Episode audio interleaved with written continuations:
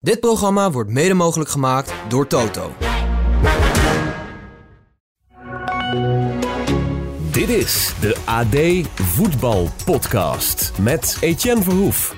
Feyenoord is klaar in de Champions League. PSV treft een zoekend Sevilla. De oproep van Marcel van Roosmalen. En de licht blijft in de lappenmand. Dit is de AD Voetbal Podcast van 29 november.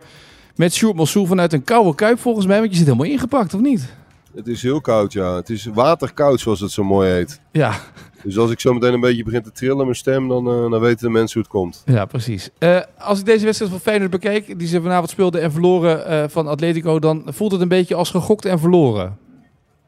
Ja, zo kun je het zien. En ook net te weinig gebracht, hè, over de hele wedstrijd gezien. Zo goed als Feyenoord was in Madrid. Ehm, ja, dat niveau konden ze, konden ze net niet aantikken vandaag, vanavond. En andersom was Atletico ehm, bij Vlagen geweldig. Eh, in tegenstelling tot die eerste wedstrijd. Dus het was een beetje omgedraaid. ehm, qua spelbeeld en qua, qua echte eh, klasse. En dan zie je dat, eh, ja, dat zeker in dat, dat soort wedstrijden, als je net te weinig brengt als, als Feyenoord zijnde, dat Atletico wel zo onvoorstelbaar veel kwaliteit heeft dat je hem, eh, dat je hem uiteindelijk terecht verliest. Ja. Was het logisch dat hij met Minte begon, slot en Seruki op de bank hield?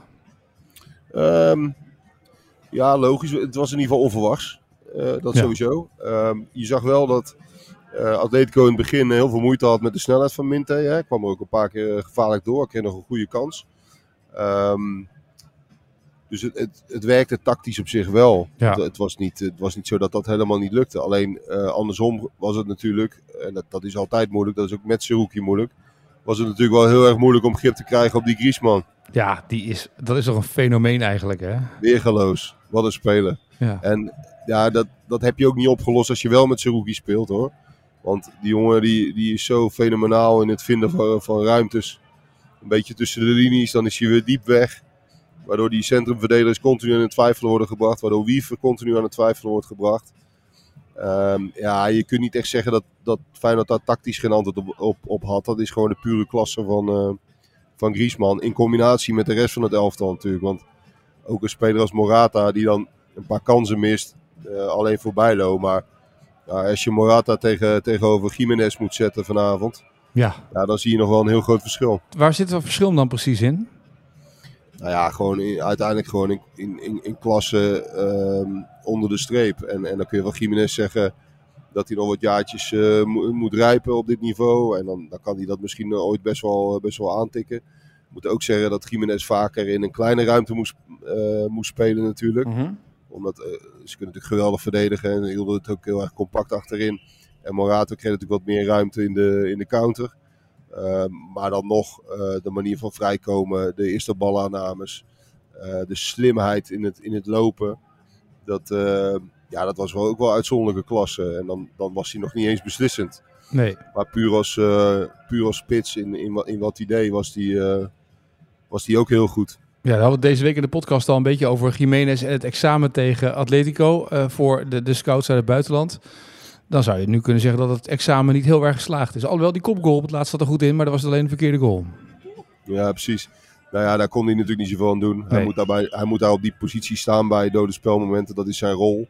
Ja, als je hem dan goed trapt en, en je moet gokken, dan, ehm, dan kan hij er zo invliegen. Maar over de hele wedstrijd gezien was het te weinig. Hij kreeg natuurlijk een goede kans ehm, na rust, hè, bij een 1-0 stand. Eh, Hartman, een goede bal. De, trouwens sowieso een van de betere Feyenoorders was Hartman samen met eh Wiever volgens mij. Ehm, maar een goede bal van Hartman en die moet hij dan, ja, die moet hij dan toch maken. Daar, ja, dat, dat hij het moeilijk heeft in zo'n wedstrijd is helemaal niet raar. Want je hebt geweldige verdedigers tegenover je. Maar dan, dan, ja, dan moet je er als doelpunt te maken op zo'n moment wel staan. Dat was wel een heel bepalend moment. En even later was het, eh, was het natuurlijk 2-0. Ja. Toen was beslist. Nee, dus hij is niet geslaagd voor, zijn- voor zijn Champions League examen. Nee, ik moest, Voorlopig. ik moest Hartman, komen, maar Hartman gaf die voorzet. En Jiménez miste hem in de herhaling. Zag je echt een woedende Hartman zo de lucht inspringen. Van wat doe je nou? Deze bal is goed, die moet je erin. Je zag gewoon aan Hartman dat hij baalde van dat het zo ging.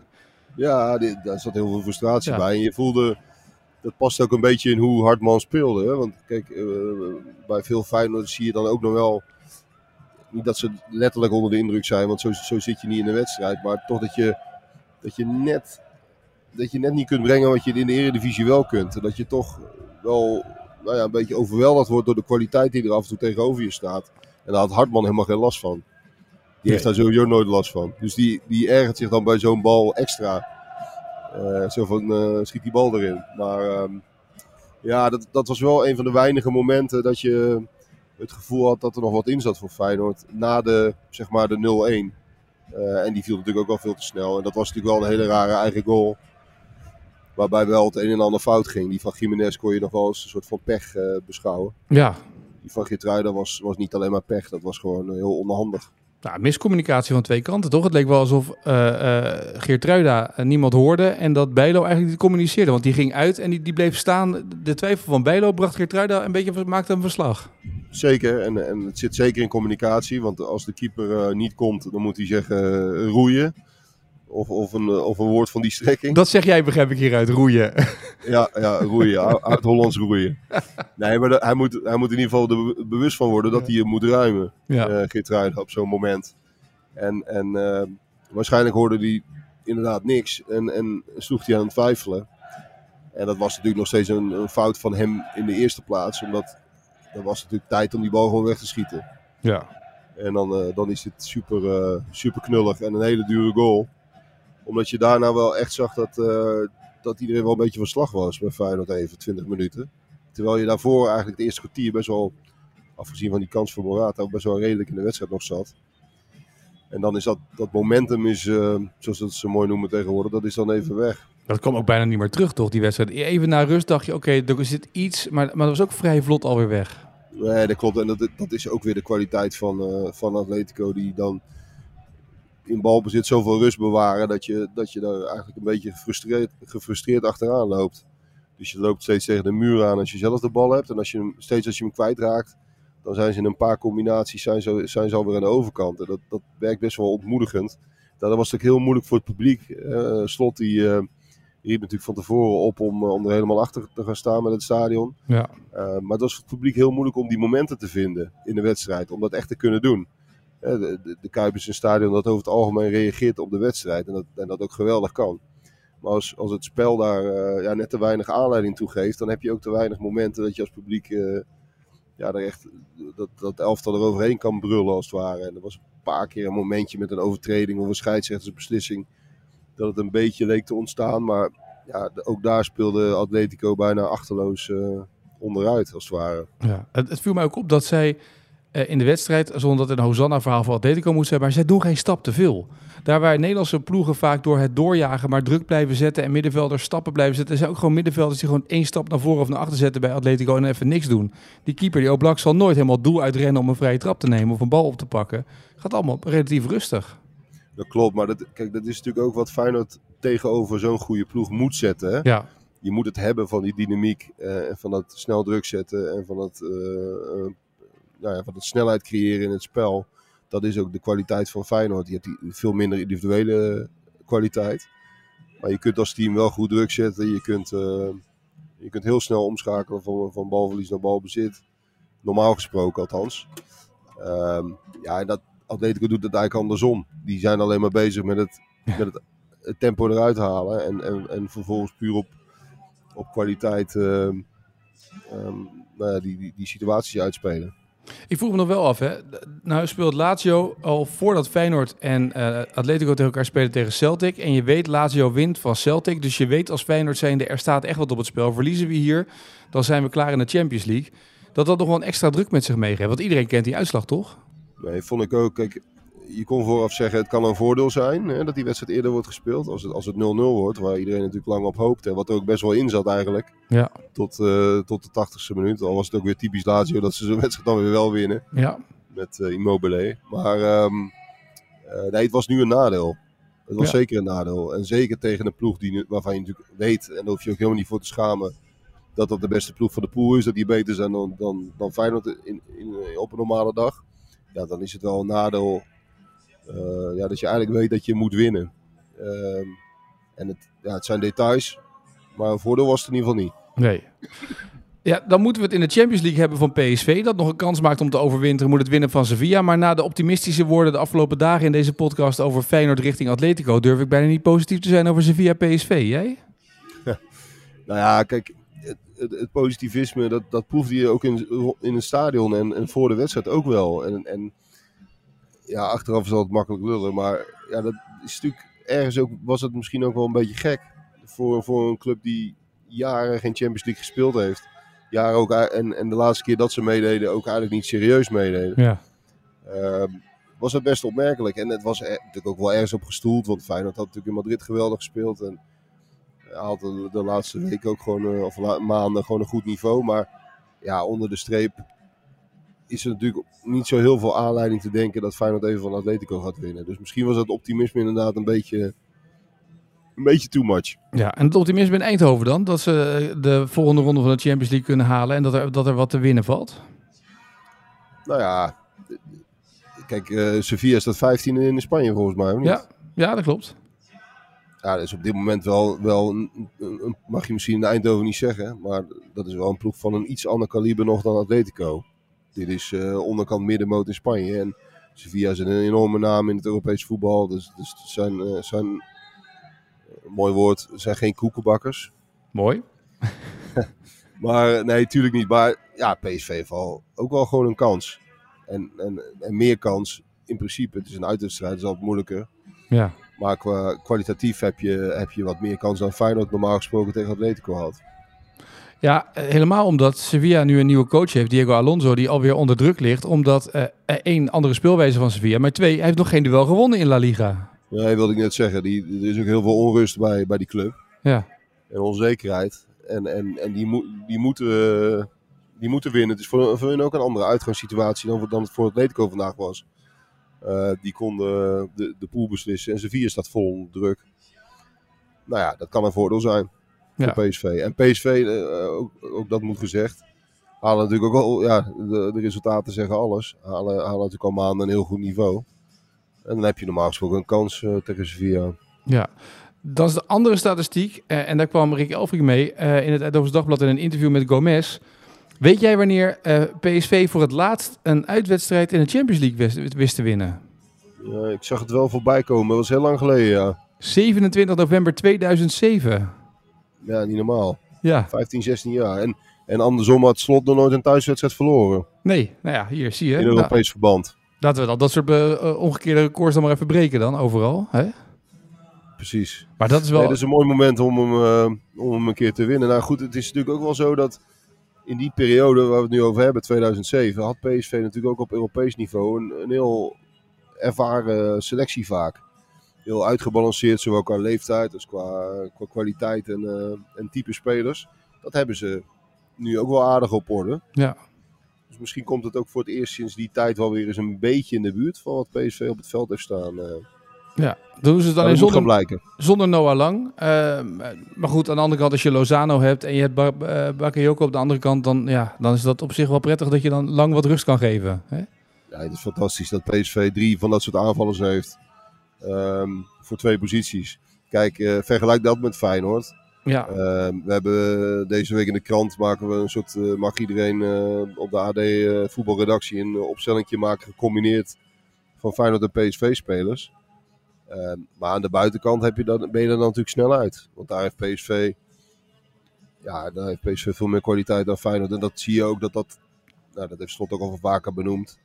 Dat dat de tekortkoming is van, van Feyenoord in dit geval. En dat PSV juist daar uh, ja, voor eredivisiebegrippen fantastische spelers heeft. Ja, maar ook Eindhoven, uh, ook PSV moet natuurlijk winnen om uh, die hoop leven te houden op overwintering in de Champions League. Dat mogen duidelijk zijn, toch? Want ja, gelijkspel, of, dat is niet genoeg daar natuurlijk. Nee, nee, je moet winnen. Ja, je speelt laatst eens ja. tegen Arsenal, dus ja. Nee, daarom. Dus dat, dat is een duidelijke opdracht. En die had Feyenoord ook, maar helaas heeft het niet geholpen. Nee. Overigens was het wel een, een, een heerlijk Champions League avondje. Jij zit in de Kuip, maar er waren aardige potjes te zien en aardig wat opmerkelijke ja, beslissingen. Ook bijvoorbeeld de pool met AC Milan, Borussia Dortmund, Paris Saint-Germain, Newcastle. Ja, daar heeft Dortmund een reuzenstap gezet om te overwinteren in de Champions League. Terwijl ja, Milan, Paris Saint-Germain en Newcastle mogen gaan uitmaken wat daar dan nog gaat gebeuren. Wie waarheen gaat in welke groep. Barcelona wint van Porto. Nou betekent dat Shakhtar na de winst op Antwerpen ook nog steeds kans heeft om te overwinteren met Pusic. Dus op alle fronten gebeurt, op alle fronten gebeurt toch wel wat. Ja, hartstikke leuk. En ook met name ook voor die, die, die pool van, uh, van Borussia Dortmund. Ja. Is prachtig.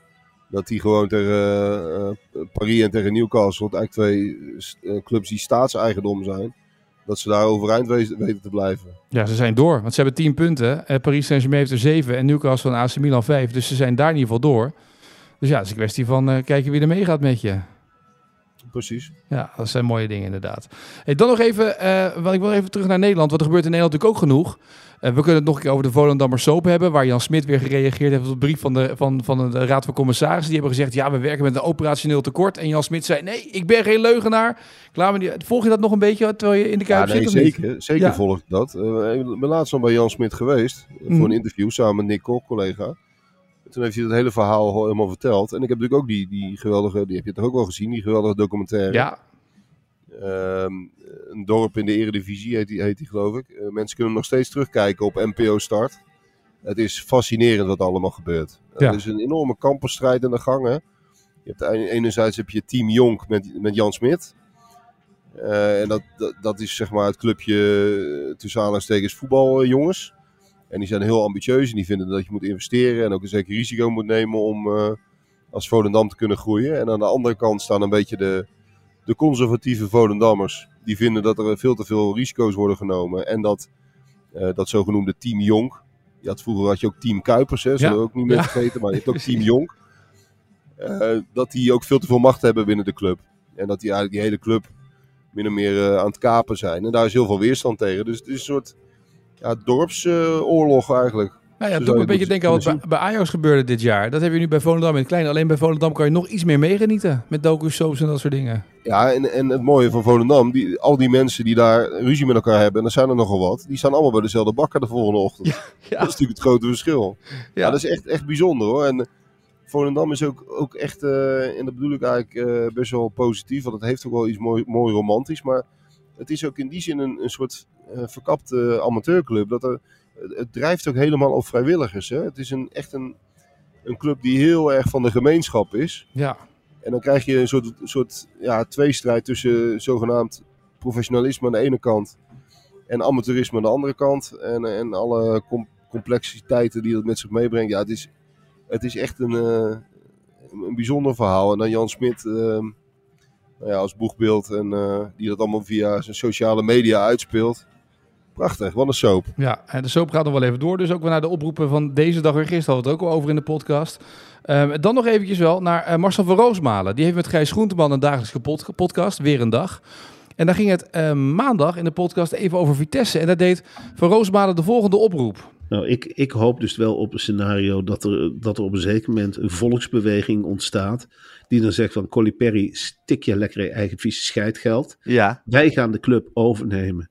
Wij gaan met een collectief Vitesse kopen. We, we lossen de schulden lekker af, die 12, 13 miljoen die er nog over is. ja. En dan komt er een, een bewind van normale mensen. Het is, kijk, je kunt de parallellen trekken. Vitesse is net Nederland. We worden geregeerd al 12 jaar lang door absolute gekken. Ja, En het wordt er niet beter op. nee. Dit is een beetje wat bij NAC ook gebeurd is, toch? Dat de normale man het overneemt bij NAC. Misschien moeten we moeten Vitesse een beetje voorbeeld eraan nemen. Ik wilde het eh, niet zeggen, maar ehm, nou ja, de- in feite is dat natuurlijk wel een beetje waar. En niet alleen bij NAC, maar dat, dit is bij AZ eh, na het Scheringa-tijdperk ook gebeurd. Ehm, kijk, Vitesse had in de, ik heb daar van de week ook een column over gemaakt, die eigenlijk min of meer hetzelfde betoogt als Marcel, Marcel nu doet.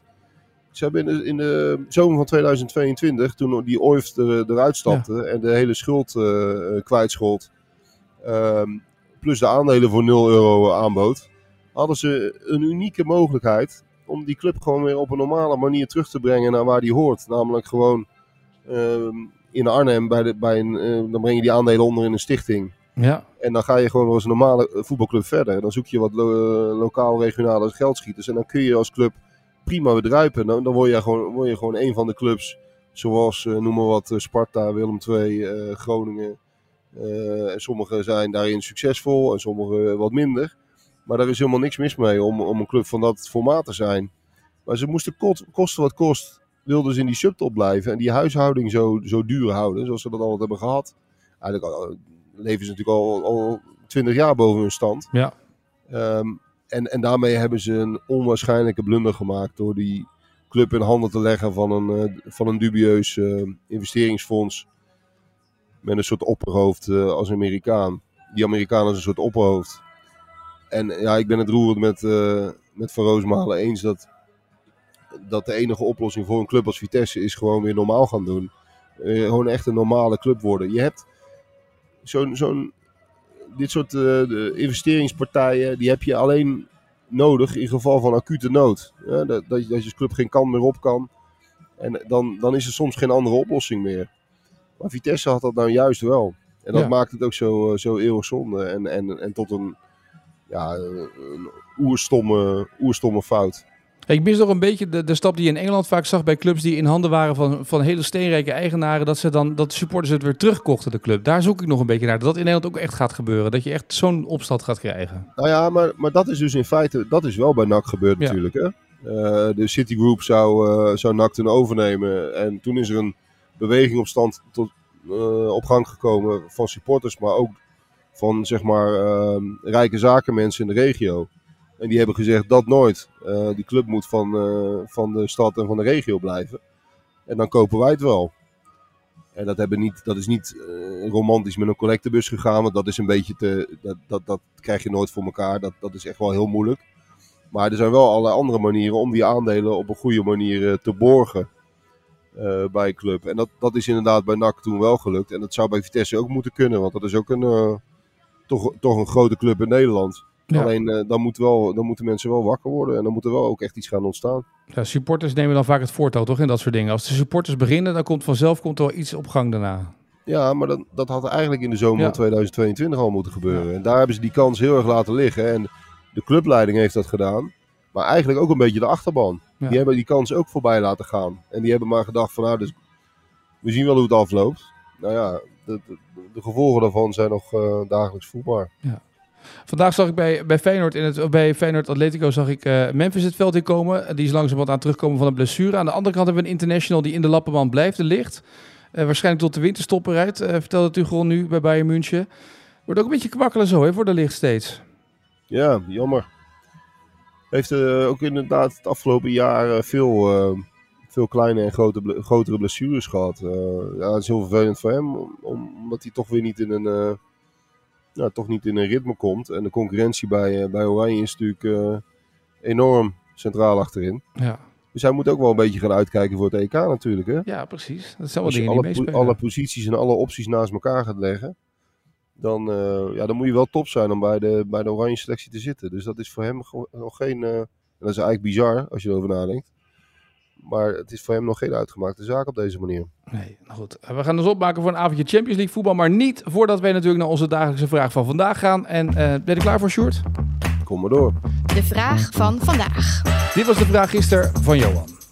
We hadden het al even over Alvaro Morata.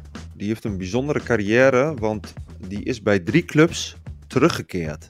Dus die heeft bij drie clubs over meerdere periodes gespeeld. Welke drie clubs zijn dat? Ja, dat is een beetje de vraag. Nou, dat zal Atletico zelf zijn. Ja, Ehm, even denken, waar heeft hij allemaal gezeten? Real Madrid heeft hij gezeten natuurlijk. Is hij daar ook teruggekeerd? Ja. Eh, oh, ook. Waar heeft hij nou nog meer gezeten? Nou, bij Chelsea gezeten, maar dat, daar is hij niet teruggekeerd, denk ik. nee.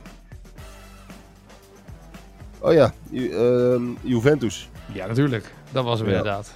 Ja. Dat waren Real. Madrid, ja. Maar Ja. hoe zat dat dan? Oh ja, wacht.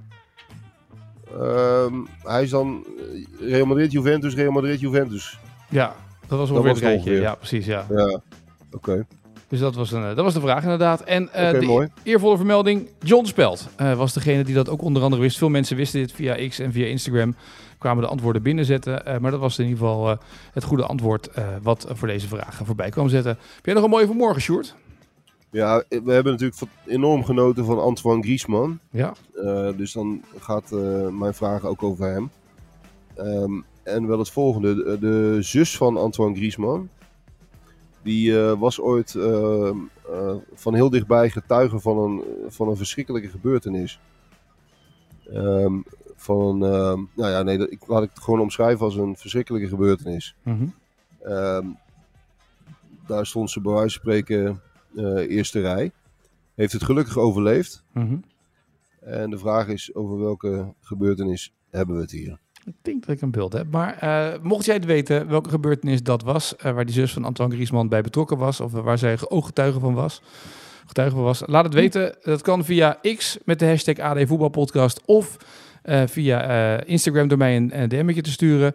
En wie weet is morgen ook de vraag die beloond wordt met een mooi eh, cadeaubon. Dus je weet het maar nooit. Eh, meedoen loont altijd. Eh, ik ben heel benieuwd hoeveel mensen met een goed antwoord gaan komen. Geen echte voetbalvraag natuurlijk, maar Nee. hè, we, zijn natuurlijk ook een beetje van de maatschappelijke context. Etienne? Zeker, steeds meer hè, natuurlijk in dit soort dingen. Wordt ook heel belangrijk om dat mee te nemen, hè, dit soort zaken. Precies. Nee, heel goed. Nou, kijken wat, eh, wat, of de antwoorden daarop binnenkomen. Morgen een nieuwe podcast, dan is die vanuit Sevilla, want Maarten Wijfels is daar met PSV. Dus na afloop van die wedstrijd van PSV morgen ook een podcast vanuit Sevilla. Om te kijken of PSV dan in ieder geval de weg openhoudt naar Champions League. In ieder geval overwintering in Europa. We gaan kijken hoe dat gaat. Sjoerd, ik wens je een goede terugreis. Doe voorzichtig, want het is glad hè. En Yes. wordt een beetje warm. En tot de volgende. Oké dan. Dit programma werd mede mogelijk gemaakt door Toto.